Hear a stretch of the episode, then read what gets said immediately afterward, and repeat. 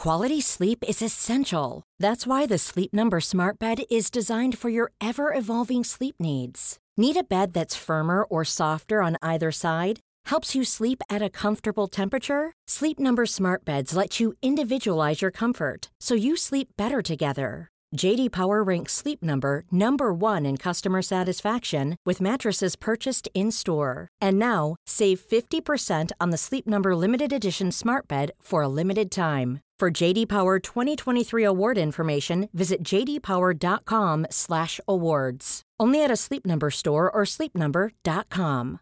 Ready to pop the question? The jewelers at BlueNile.com have got sparkle down to a science with beautiful lab-grown diamonds worthy of your most brilliant moments. Their lab-grown diamonds are independently graded and guaranteed identical to natural diamonds, and they're ready to ship to your door. Go to BlueNile.com and use promo code LISTEN to get $50 off your purchase of $500 or more. That's code LISTEN at BlueNile.com for $50 off. BlueNile.com code LISTEN.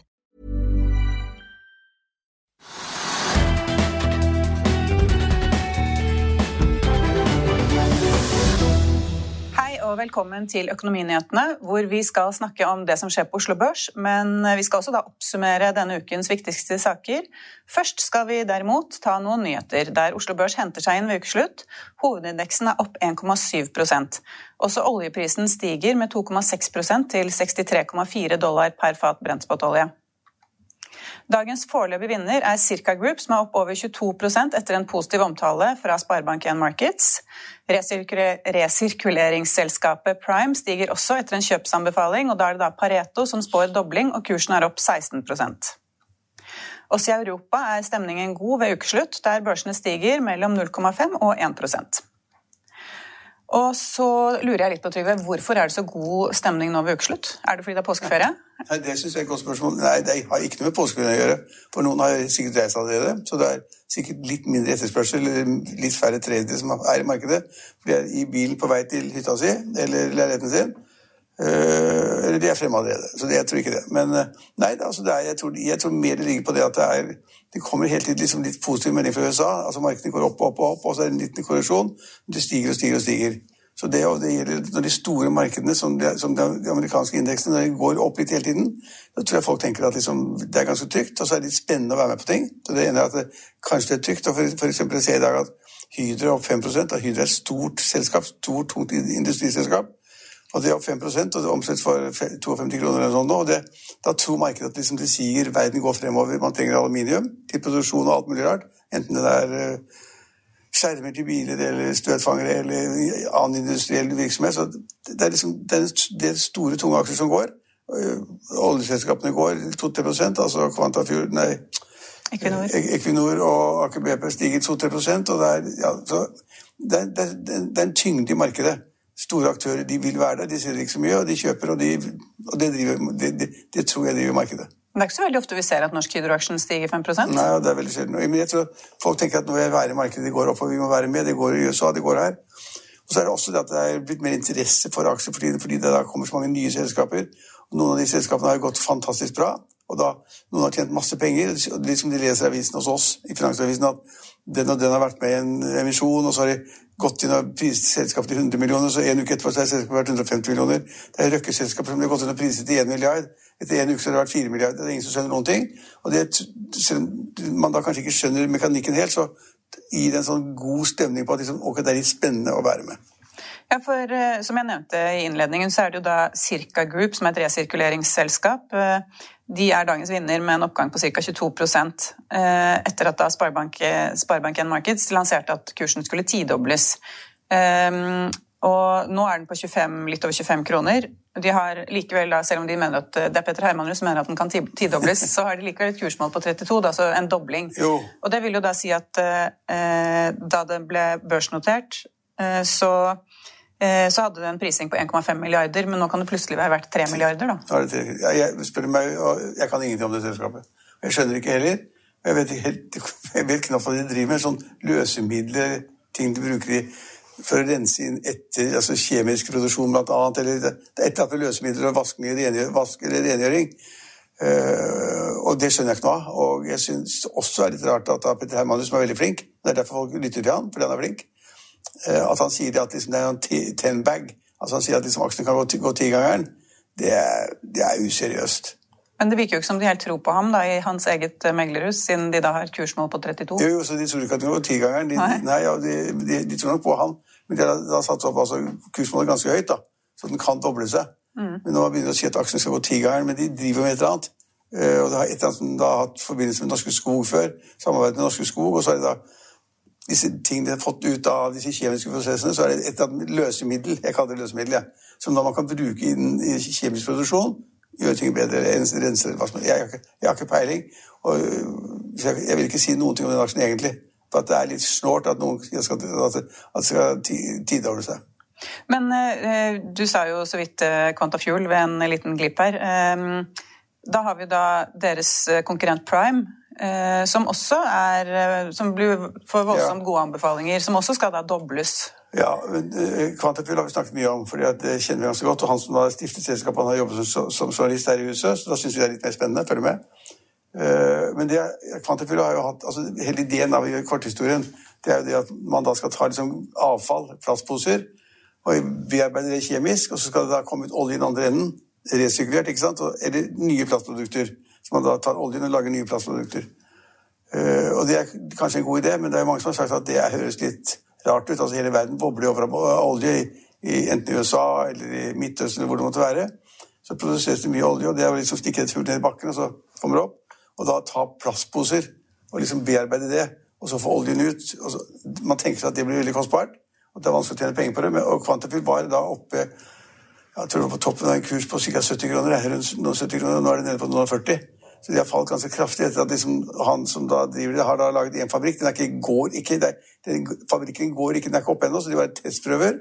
Og så Hvis denne fabrikken virker, så skal de få en ny fabrikk i Tyskland, kanskje et par nye fabrikker i Norge og andre land. Så kan, Quantafuel på en måte kan vi historikken. De har ikke kommet i gang, de tjener ikke penger. De har en idé. Prime, det selskapet er på en måte konkurrenten, som liksom skal være litt, litt mer edel, finere og gjøre litt bedre plastprodukter eller hva det måtte være. Og det er altså da Spetalen med som aksjonær. Og det, da gjør markedet hva, Spetalen er der, da må det være noe spesielt. Du må være litt flinkere enn Quantafuel, tenker man. De to er, så vidt jeg forstår, ganske gode konkurrenter. Men uh, apropos Spetalen, så er det et annet selskap som også er på vinnerlisten i dag, som da domineres uh, egentlig nesten litt sånn som vanlig, med grønne aksjer, som det har gjort i det siste. Og det er Saga Pure som er opp 11 og der uh, er jo da Spetalen en av eierne. Og de kjøper en tredjedel av et selskap som driver med lagring av flytende nitrogen. Det høres jo Altså, jeg vet ikke hva det betyr, men, men det virker jo som folk er interessert i det han driver med, da veldig altså Nå er det sånn grønn bølge. Bare sette grønn merkelapp på det, så skal alle ha det, og da vil de betale mer for det. Og de vil betale da mer for fremtidige inntekter. Så de liksom diskonterer da inntekter som kommer om fem-ti år, til dagens, til dagens, nivå.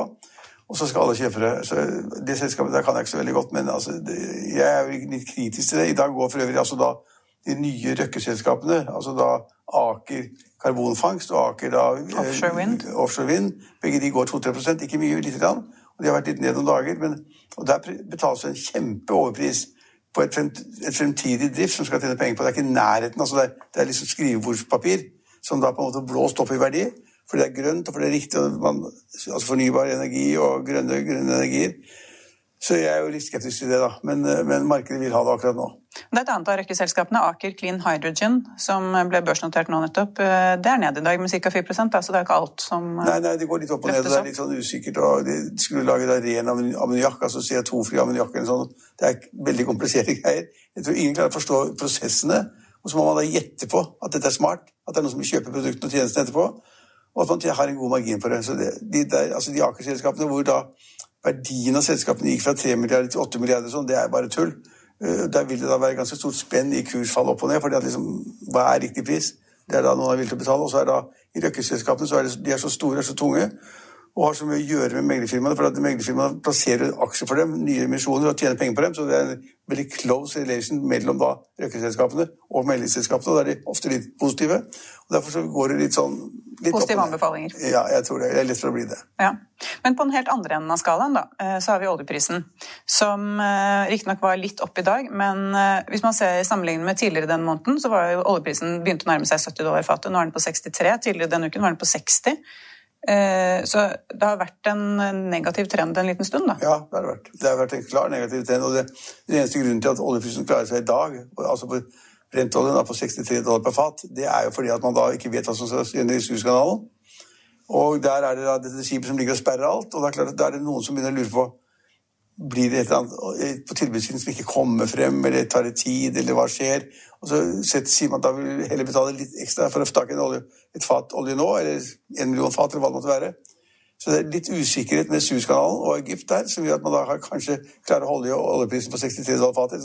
Ellers ville den kanskje vært på 62 eller 61, glidende nedover. Og det med Suezkanalen er også ganske interessant. Det er noen andre aksjer som går positivt i dag, altså som gruppe. Og det er skipsaksjer, som har vært dødskjedelige i lang tid. Men tankaksjene går litt opp. Ja, Frontline er opp 8 over ja, 8 Ja, mm. og, og, og tredjelastmarkedet går også litt opp, 7-8% på de selskapene som er der. Kan man spørre hvorfor det. Jo, fordi at nå er folk usikre på Suezkanalen. Og hvis da de, de som skal ha fraktet et annet, enten olje eller tørrlast, lurer på om liksom dette kan bli langvarig, ikke tre dager, men tre uker, tre måneder, at det er kanonkrise, da må jo skipene begynne å gå rundt Sør-Afrika, Kapp. Og da må de ha flere skip.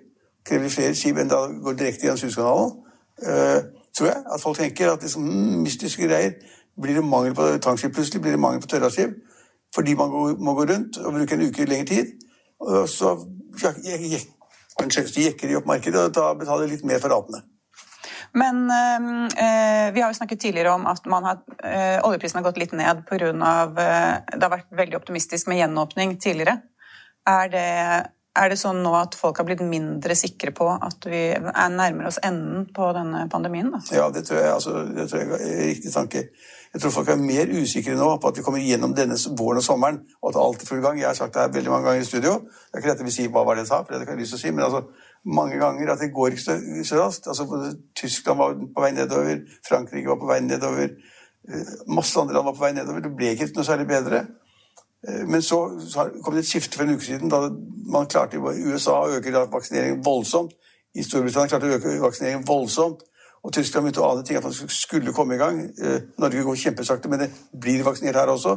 Så Først så var jeg negativ, for jeg trodde at det tar lang tid å få liksom, industrien i gang, igjen. Reiselivsnæringen, flyene til å gå, uh, og til å åpne, virksomhetene på, på sandstrender altså Hele tjenestesektoren pluss industri, alt mulig rart, hang etter. Og da vil man heller ikke etterspørre så mye olje. Selvfølgelig ikke. Og jo færre fly som går, jo mindre olje er det behov for. Jo færre som kjører bil, jo mindre olje er det behov for. Så jeg var negativ til det. Og oljeprisen tenderte nedover. Delvis av det, og kanskje også andre grunner. At OPEC styrte prisen litt. Ved da liksom å Snevre inn på produksjonen? Ja. Så, så, men, men øh, ja, så nå er jeg litt mer positiv til at jeg kanskje kan se ting, men, men det, man henger etter. Og akkurat i dag så kom den meldingen, den har jeg ikke sett noen steder ennå, faktisk, men den meldingen kom da om at Norge da utvider det såkalte reisefor, reiseforbudet fra ja, Til september? Ja, jeg tror det var nei, 15. april til 15. mai første omgang. Ja, Men så skulle de ha innreiserestriksjoner frem til september? Ja, eller noe sånt? ja det, da, da, blir det krise for norsk reiseliv. Det er jo krise allerede. Da er det krise for norsk reiselivsnæring. Men det at de også da får, altså forlenget den perioden hvor man da i, i UDs definisjon ikke må reise eller ikke bør reise, en måned. Så betyr det at ingen kan reise. For hvis du reiser da, så mister du alle forsikringene. Så alle forsikringsselskapene på reiseforsikringer har da på en måte en klausul om at du må, du ikke være forberedt mot å reise dit, du må ikke være advart mot å reise dit, det landet du reiser til. Og så får du hjertefeil, eller så får du dauer en trafikkulykke, eller blir syk i en trafikkulykke. Og da får du ikke dekket fem øre, enten da en, en av de, de, det du betaler på sykehuset, koster 100 000 eller 500 000, eller i USA en million. Og da, da reiser jo folk veldig mye mindre enn de ellers ville gjort. Så det var veldig negativt for da, måte, at nordmenn skulle reise til utlandet, at man fikk den forlengelsen. Og Hvis du har ikke sett det som du sier nå, hvis jeg også nå har sagt at man forlenger den eller ut i tid, det tidspunktet hvor man utlending kan reise til Norge uten karantene, da er det jo krise. Ja, det er, det er jo krise. det er krise nå, men da er, da er det dobbel krise, da. Og i dag kom det nye tall som er for, for ledigheten i Norge. Hvor man da økte altså de som er helt syke, eller del, delvis syke, eller helt og delvis syke, og på tiltak. Og det tallet økte til 100 og 200 og 60, nei. 211 000. Ja. 211 000, så er det 750. Eller noe sånt. Og det er 7,5% ledighet. De, de, fleste opererer ikke med 7,5, for de opererer med tar har ikke med alle ledige og har ikke med alle på tiltak osv. Tar det bare helt ledig, da. Hvis du tar bare helt ledig, så er det ett tall og bla, bla, bla. Men, men det, det, det, grove tallet, det øverste tallet er nå 211 000. Eller 111 000? Det helt sykt for 211 000. Ja, Det er jo veldig mange fra varehandelen som er permittert. Altså. Ja, ja, men det, men det er 7,5% av arbeidsstokken, og da begynner det å bli ganske høye tall. da. Da er ledigheten høy. Så det går ikke så veldig raskt fremover i Norge heller. Men er det noe annet som du har eh, bitt deg merke i på børsen i dag? Nei, altså da har vi sett at grunnen til at noen shippingselskaper går, det er åpenbart risikoen for at det trengs flere skip, for man skal gå mye lenger i rute. Det er forklar, forklarlig. Og så er det litt uforklarlig hvorfor Hydro skulle gå så veldig akkurat nå. Uh, Storbrann har gått også et par prosent, og de store, tunge selskapene går. Uh, og når det gjelder de grønne selskapene, så er det sånn litt hipp som happ, men uh, da litt sånn kjempeoverraskelse med da denne Cirka, eller hva det var, og Prime osv. Hvor man da får uh, veldig gode analytikere, eller analytikere ja. som går ut og sier at det skal tidoble seg. Det er liksom så, ja, Og så er det en annen ting dag. Det er kommet da Forleden hadde vi da et sånn oppdrettsselskap som skulle drive med kveite, som har tatt penger i ti år. Som trengte mer penger. Det fikk de ikke så lett. Og så har det da kommet en av proff investor i dag som er til markedet, som da er, er da investor i et torskeoppdrettsselskap. Uh, og de har virksomhet. Uh, men altså, det er knallvanskelig å tjene penger på da kveiteoppdrett eller flyndreoppdrett eller torskeoppdrett osv. Det er mye torsk i havet, for å si det som det er. Så prisen skal bli ganske høy før det, før det lønner seg. Men han skulle på børs? Hva? Men han skulle på børs? Alt skal på børs. For nå er det tiden for å gå på børs, og da får du hentet masse penger til en ganske høy kurs.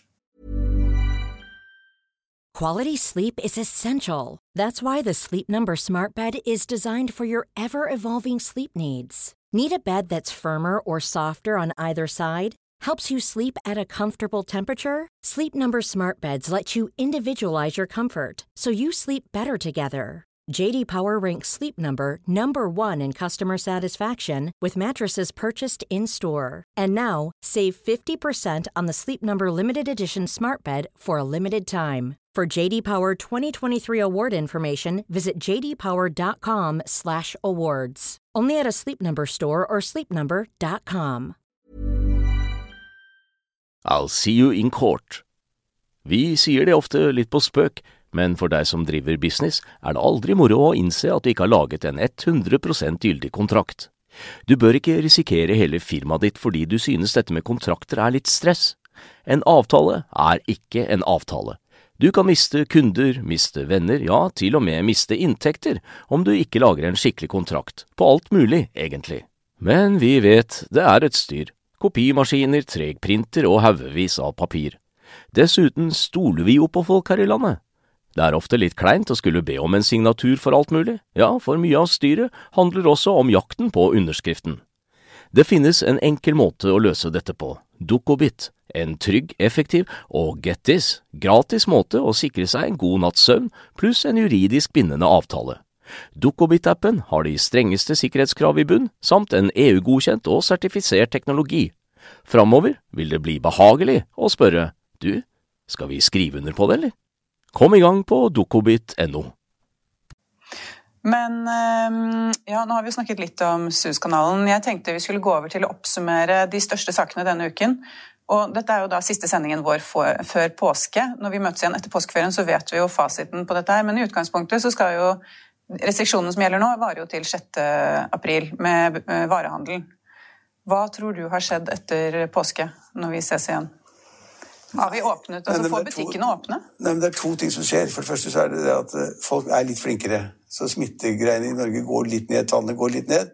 I Oslo er det katastrofe, der går det opp. Og der er det ja, det er forferdelige greier. Eh, man har mistet hele kontrollen i Oslo. Eh, I de andre deler av landet så går jo smittetallene ned. Men for landsbasis så er det den berømte R-en på 1,3. Det er ikke bra. Så hvis da, men hvis da når folk tenker mer, mer forsiktig og holder seg inne og dårlig vær, det regner osv., det er spådd regn i tre dager, så vil nok smittetallene gå ned. Det tror jeg er rimelig sikkert. Men det som taler imot, er jo det at når folk er på hytter, så skal de nå ikke ha besøk i det hele tatt. Man skal være på sine egne hytter. Skal ikke ha besøk. Man skal ta med seg maten fra Oslo til Hemsedal eller, eller Hafjell eller, eller Nordfjell. Det, altså Om folk gjør det, vet ikke jeg. Jeg vil tippe at de store butikkene, sånn, sånn som i Nordfjell, så er en Kiwi-butikk der som har alt. og Da tenker folk at hvorfor drasse med det fra Oslo? Så handler man der, og så er man kanskje nær de andre i køene og i kassene osv. Jeg tror at det, det er folk vil være litt bevisste. Det er, vil gå ned Hvis du bare tar på én faktor Hvis du legger til det at folk, det er ferie, det er jul, det er vinter Det er mye bevegelse. Det er mye bevegelse, det skjer mye. Folk skal i skiheisen, de skal inn og gå på do, de skal gjøre masse rart. Eh, det er negativt. Så det vil føre smittetallene litt opp igjen. Så hva summen av de to faktorene blir, det er jeg litt i tvil om. Jeg, skal jeg tippe grått, så jeg tror at smittetallene går litt ned i løpet av påskeuken. Og det kan bety da at norske myndigheter slipper litt opp. Men eh, det ville jo kanskje vært naturlig å avvente den åpningen med to uker, da. Fordi at 6. april er jo, da er påsken ferdig. Og så vet du jo ikke da hvor mange som har møtt hverandre i påsken. Det tar jo litt tid før de, ja, da, den effekten kommer. Ja, men eh, altså jeg skrev en kommentar i dag, og jeg mente at nå er det så ille på tallene. Det går så mye verre enn det det bare var for en måned siden, hva man trodde. At man egentlig burde stengt ned alt. Altså, alt, altså en ting er at kjøpesentrene er stengt ned utover det som er matvarebutikker og apotek. Eh, men, man, men, det er noe som er litt oppå, som bare stengt alt. Eh, og så fikk man da gå på spise, spise og gå på, på apoteket, og resten var stengt. Eh, og da mener jeg også skoler, barnehager, absolutt alt. Det ville hjulpet. Men, men myndighetene tok ikke det skrittet å ta alle barnehager og alle skoler. For det vil man ikke holde igjen, for det er så fælt med foreldrene som da være hjemme, du vet litt om det, være hjemme og passe på ungene sine osv. Men skulle man kommet et vesentlig stykke fremover, altså, så skulle man stengt ned. Men det har man ikke gjort, og det er, det er veldig mye nedstengt allikevel. Det er tross alt Altså Hotellene er stengt, restaurantene er stengt uh, Det er veldig mange som har hjemmeundervisning av de eldre barna. Da, ja, Klesbutikker ja. er stengt, men, men, det er stengt. Uh, og det er mer og mer handel som går da over på nettet, selvfølgelig. Eh, men, men, men jeg, synes jeg, jeg, er ikke noen ekspert, jeg er ikke medisinsk ekspert, men jeg syns at liksom, utviklingen har vært så dårlig siste uken at man kanskje skulle slått helt over og sagt ok, vi stenger alt. Men, det har man gjort i Danmark, det har man gjort i andre land, og da USA har også gjort det etter hvert. og da, De landene som har vært brutale og bare tatt altså, onde ved roten, de, der har smittetallene gått ned. Tidligere denne uken så var jo da byrådsleder Raymond Johansen og orienterte i bystyret om planene for gjenåpning av Oslo, hvor det bl.a. var eh, en gradvis åpning eh, ved hjelp av eh, massetesting. Eh, det høres jo egentlig ut Så lenge man ikke får vaksinert de som jobber med barn og unge, så høres jo det ut som en Jeg skjønner ikke helt hva, altså, hva er massetesting? Er det liksom som aldri blir testet? Ja, ofte. Hele tiden. ja, ja, da, ja, Hvis man får til det, så er det veldig fint, det. Så da kanskje man kan slå ned på utbruddet litt tidligere enn at de tar det med seg hjem og smitter alle ja, andre? Ja, kanskje. Så, altså, testing er bra. Jo mer testing, jo bedre. og og her hvor vi har kontor på Smestad, i egne Media, så har vi jo teststasjon to minutter borti gaten her. Der er mange som har vært. Hvis vi har vært i tvil om et eller annet, eller folk har vært i selskap, eller de har vært i, i kontakt med folk som har testet positivt, så tester vi det med en gang. Og det er masse andre steder, legekontorer og andre, som har da på en måte test som en del av tilbudet sitt over hele, over hele byen. Så, så, testing bør skje mye av. og jeg er ikke helt, liksom, Definisjonen på massetesting er jeg ikke helt klar over. Men hvis det kan hjelpe, så burde de gjøre det. Men nå er jo da Raymond Johansen litt han er litt, litt lav for tiden. Han skal på hytta i, i påskeferien. Eh, og, og, han har skrytt litt av hva man har fått til i Oslo, men nå må han innrømme at det er ille i Oslo. Men øh, for varehandelen så er det jo veldig ille. For alle som må holde stengt. Altså, klarer de det? Hvor mange konkurser kommer vi til å se etter hvert? Får, altså, nå har man vært litt overrasket over at konkursantallet har vært mindre enn man regnet med i 2020 sammenlignet med 2019. Mystisk nok. Det er for at Hvis du eier en liten butikk, det er to-tre ansatte, du selger klær, eller du selger noe parfyme, eller hva du enn måtte drive med, da. Eh, så holder du ut, du bruker sparepengene, du har noen reserver, du liksom jobber, så jobber du gratis en måned eller to eller tre, du spør de ansatte om å jobbe gratis. Noen blir permittert, ikke sant. Sånn er det alltid. Til, til slutt så går du ikke lenger. Og det er jo restauranter også som da som da ikke får lov å skjenke. ikke sant? De er stengt alle sammen. De store hotellene, Continental i Oslo, Britannia, Trondheim Alt er stengt. De store hotellene i nær til skibakker stengt, stengt, stengt. Og Så holder man ut og holder man ut, og så går man i banken og så låner man den siste rest av kassekreditten. Du har kanskje en kassekreditt på 500 000 eller 1 million eller 200 000. Så trekker du på den, trekker på den og trekker på den. Men, men, men nå det, det, det, blir masse, senere, så, det blir masse ja. i de små og mellomstore bedriftene. Det blir det. For at altså, Hvis du går på et kjøpesenter i dag, da, det gaten her, så er CC Vest hvor jeg går, eh, og det er jo utrolig mange butikker der. Altså Kafeer og butikker og alle mulige ting, og gullsmeder og gullsmeder og sølvsmeder og bokhandler og, og, det er jo alt mulig Alt er stengt. Alle taper penger. Men øh, altså basert på dette her, så burde det jo åpne igjen, da. Men det er vel øh... De kan ikke åpne nå. Nå må, nå må påsken gå, da. Påsken ja, ja, men etter påsken? Men etter påsken så burde de kanskje slippe opp på noe, kanskje. Men da må da må dette R-tallet, da, som det er eh, reproduksjonstallet som viser da liksom hvor mange Hvis du har, har 1,5 og du er smittet, så smitter du 1,5.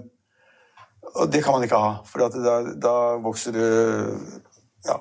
Multi, og, og, men, det kan man ikke ha. Men det, det konkrete svaret på spørsmålet ditt er at hvis den kommer godt under 1, da, 0,7-0,8, så, så, så, åpner de opp. Hvis den holder seg akkurat på 1, så er de i tvil, myndighetene.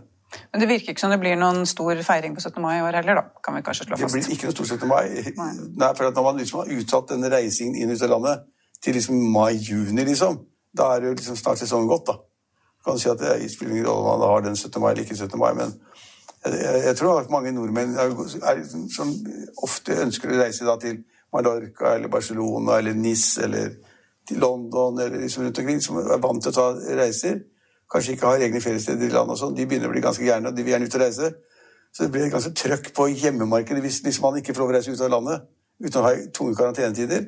Så blir da det ganske stort press på, på, på, på turiststedene i Norge, og det er bare bra. De trenger den businessen. Eh, men eh, men folk begynner å bli lei av å være i landet sitt, kanskje? De blir lei av å være i Norge. Ja, det er veldig mange mennesker som er vant til å reise. Mye mer enn man tenker på. Altså, altså, hvis du går tilbake til de siste årene, så har Norwegian og lavpriser og konkurrenter og alt. Man har, nordmenn har reist og reist og reist. Vi, kjempe, vi, bruker tid og penger på å reise. Og at det stoppet helt opp, det, er, det tror jeg folk syns er slitsomt. Og en, en variabel av det, vet du hva det er? At båtmarkedet har eksplodert. Ja. For, for, folk tror da at uh, man må kanskje være i landet. Man kan ikke få tatt den turen til NIS. Uh, og så kjøper man båt isteden. Eller øker størrelsen på den båten man har. Så båtsalget har eksplodert, og de fleste båtprodusenter har vært utsolgt i lang tid for den kommende sommeren. Så neste år kanskje det blir mange båter i salgs på Finn, da? Ja, Det trodde man i år også. Men så ble det, det fortsatt koronasommer. Båtsalget gikk kjempebra i fjor også, for det var også akkurat det samme problemet i fjor. Eh, men det ble det ikke. Folk sitter på båtene sine, og, de, folk kjøper nye. Det men det er jo fordi vi ikke får reise noe sted? Ja, det er fordi vi ikke får reise. Med en gang grensen åpner? Nei, kanskje... nei, altså, jeg bare sier at det er et ganske morsomt resultat av det, at man da ikke reiser, at man kjøper mer båter.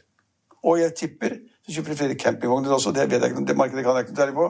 Og, flere, og bobiler? Bobiler og telt og alt som måtte være, for at folk skal være, ha, ha, det. Og på båtsalget så er det helt dramatisk, for er, altså, båter er jo avhengig av hvor store de er. da. Og kvalitet på det, så er prisen ganske høy. Men det kjøper folk nå, og de bestiller det rasende hvis de ikke får til sommeren. Men det virker jo som eh, Nå er det jo selvfølgelig lavere, lavere renter. og Økonomien er jo litt todelt, det har vi snakket om tidligere. De som har jobb, og de som ikke har jobb. For de som har jobb, de har jo egentlig hatt det ganske bra med lave renter og Eh, nå, som du sier ganske bra, Limari. Veldig bra. Veldig bra, ja. Og nå som båtsalget eksploderer, hyttesalget eksploderer Rentene er negative, og de har god lønn, har jobb. Det er alle offentlige, altså i kommunal, i kommunal eller statlig sektor. De har, ingen av dem mister jobben der. Og så er det da noen i privat sektor. Det, det som vi snakket om at det var 211 000 uh, helt eller delvis ledige, det er ille. Det er 7,5% men det er en stor del av markedet hvor folk har god jobb, har, betaler ikke noen renter vi har sett at boligprisen der hvor de bor, stiger og stiger og stiger. Bare det siste året i Oslo så har da boligprisen i snitt steget 15% Så hvis du har et hus oppi rundt hjørnet her, eller leiligheter i byen, så vi ser at verdien du sitter på, som du kanskje betalte, kjøpte for fem eller ti år siden, det er, de er mangedoblet. Og så blir du litt trygg på det og tenker at dette er fint, og så har du negativ rente. Da, da, må folk bruke penger på et eller annet, og det gjør de. Pusser opp, kjøper båt, kjøper hytte. Ja, de, de pusser opp hytta, de pusser opp leiligheten, og de kjøper litt ekstra sånn derre uh, sannsynligvis sånn 60 sånn Stæsj? Ja, sånn, høyttalere eller musikkanlegg eller hva det måtte være. Eller de går på da byggmakermarkedet og kjøper fra planker og lager de solplater. De bruker penger. De bruker penger. Men det er jo noe som i hvert fall vi i Finansavisen og våre lesere har vært veldig opptatt av denne uken, og det er jo Øystein Stray Spetalen gjøre noe Laden. Eh, ja, altså han gjør så mye at Vi er veldig opptatt av hva han gjør, det er helt riktig. Ja. Og, eh, eh, jeg vet ikke om Vi kan snakke litt om eh, hva, han, hva, han, egentlig driver med. Hvorfor er han så viktig? Det var jo dette her, for Nå har vi jo alle disse selskapene som er inn, han er inne i. Og så hadde vi denne saken i gårsdagens avis, var det vel, med et selskap som heter Deep Value, som han gikk inn i, og så solgte han alt. Og det var mange som var sinte på ham. Men hvorfor eh, altså, Og har jo vært Vi har snakket om han på møtene våre også. Hvorfor er eh, en sånn typisk investor som han så viktig for eh, børsen? Altså, ja, det, det, det, er et godt spørsmål, og det er litt komplisert. Men altså, kortversjonen er at han er flink. Han er en god investor, tatt en god utdannelse, han er utdannet sivilingeniør, har fått økonom, det er han ikke. Men han er god til å regne og har gjort masse riktig. Han har liksom hatt få tabber. og så har han vært flink til å se ting som kommer, mennesker som jobber, altså hvor god er ledelsen. Han har jobbet med, på, med ledelsen i selskapet Så de der er ikke noe gode, de tror jeg ikke noe på. Og så er han veldig sånn firkanta, så de der er dårlige, og de er gode og sånn. Eh, men det meste han har gjort, er jo riktig. Eh, og så har da folk sett det, og så tenker de at derfor han går inn, og vil jeg gå inn. Hvis han, eh, og det er liksom, han har vært bjellesau. Går han inn et sted, så går andre etter. Og så har det gått stort sett bra. så ja, ja. Og så er broren hans med også med investor. Nei, altså Hans bror de er venner, og de kjøper i samme selskap. Så tenker jeg at både Eigilspetalen og Øysteinsbetalen de er liksom i samme selskap. Så han trekker andre mye. Han er en typisk bjellesau. I en periode så syntes han, han det var ganske irriterende å bli kalt bjellesau. Fordi han likte ikke at folk fulgte etter seg osv. Men nå har det blitt slik at det er så mange nye selskaper på Oslo Børs da, uh, som gjør at uh, de som da skal hente penger La oss si de skal hente 100 millioner eller 1 milliard. Og da går de til fire-fem sånne cornerstone-aksjonærer, som man kaller det. Som da på en måte er vant til å gode, altså være flinke. Arne Blystad, Spetalen, Tor Aksel Volleberg. eh, Harald Magnusson Nei, ikke Harald Magnusson Andreassen, men uh, Harald Moreus Hansen. Harald Moreus Hansen. I, i, ja, så det, er, det er en sånn gruppe mennesker, la oss si kalle det fem-ti mennesker, som har hatt suksess i masse selskaper, som folk liker å følge med på.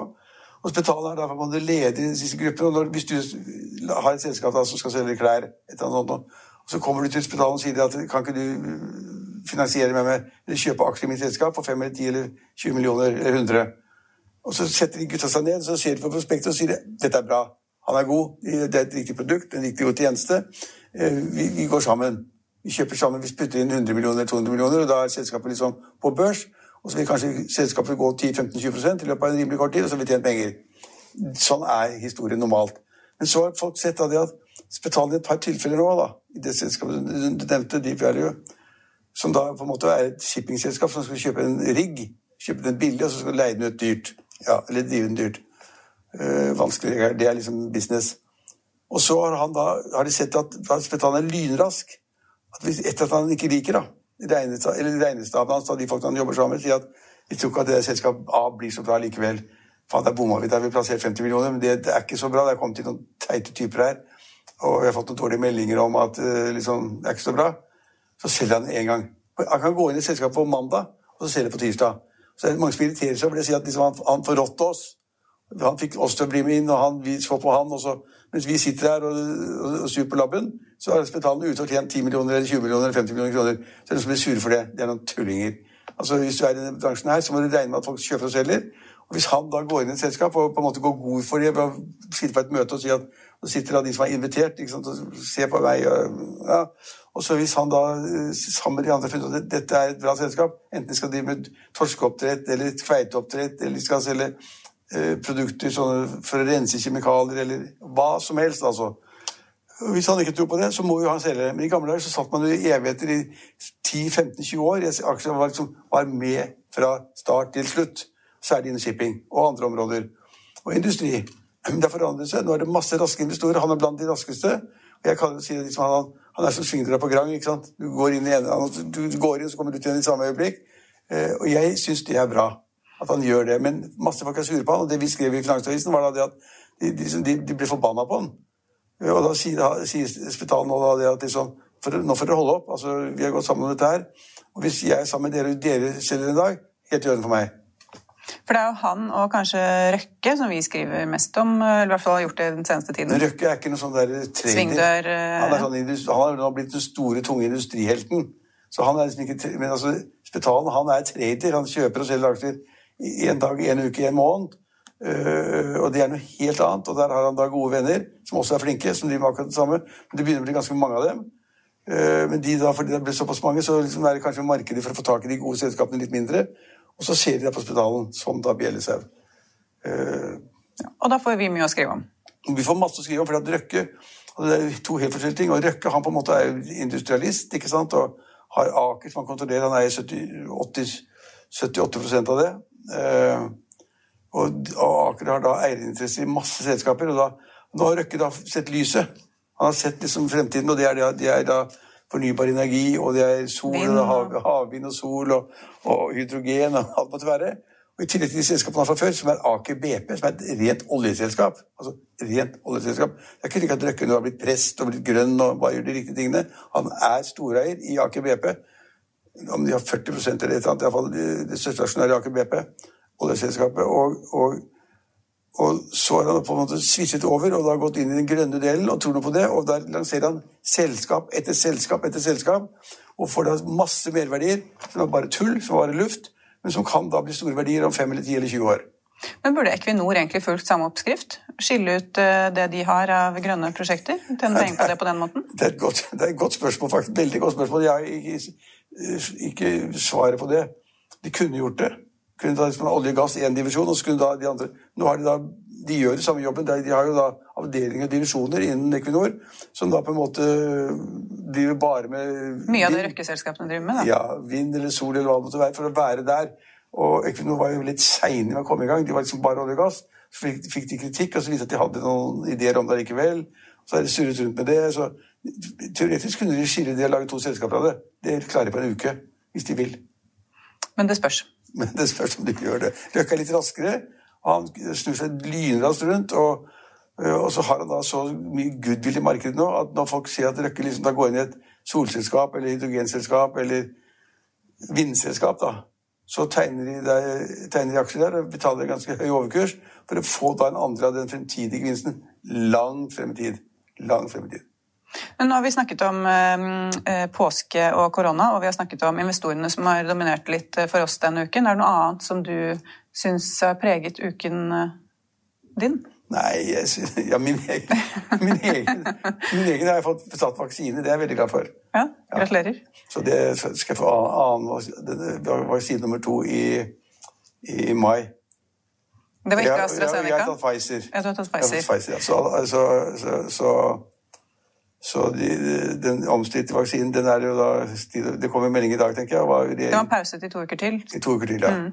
Så Det kan bli enda to uker, ikke sant? men så, hvis du har Pfizer, så er det iallfall safe. Da vet du at den er det ingen som kritiserer at det har vært riktig, og, og vaksine nummer to kommer da i mai. Så det er jeg veldig fornøyd med. Og det er, det er, fordi at man har gått et år i Norge, som alle andre, som alle andre med munnbind og være forsiktig i kjøpesenter. På jobben her har 90% av folkene hjemme på hjemmekontor. Det skal de ha, det er forelegg om. Eh, det er ikke så lett å drive mediehus og, som vi driver her, med studio og sendinger, uten å være her. Så det er liksom Maktmesteren et sted han kan jo ikke være liksom hjemme på landet, han må liksom være der hvor huset står. Eh, så det har vært komplisert. Og jeg, fått, og jeg har vært litt opptatt av å liksom verne oss og være kjempestreng. og Det har vært streng, veldig strengt å få lov å komme inn i huset, egna med. Masse sånne små ting. Kantinen er helt endret, ikke sant. og du får ikke lov... Ingen gjester. Ingen gjester, og du, du, du får ikke lov å ta maten selv. og det blir servert på deg. Altså, Vi har gjort så mange andre, vi har ikke vært noe flinkere enn andre, men vi har gjort det ganske systematisk.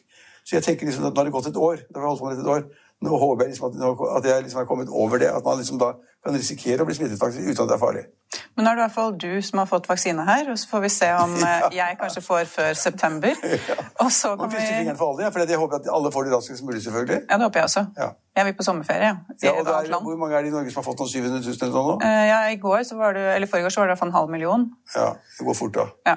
Krysser fingrene. Ja. Og dette er jo da som sagt siste sending før påske, men du må huske å kjøpe våre aviser også i påskeuken, der det blir masse godt eh, lesestoff, og du kan også lese oss på nett. Og det var det vi hadde i dag. Vi er tilbake etter påske. Vi ses igjen tirsdag 7. Eh, april. 6. Eh, april klokken 15.30. Ha det bra, en fin påske.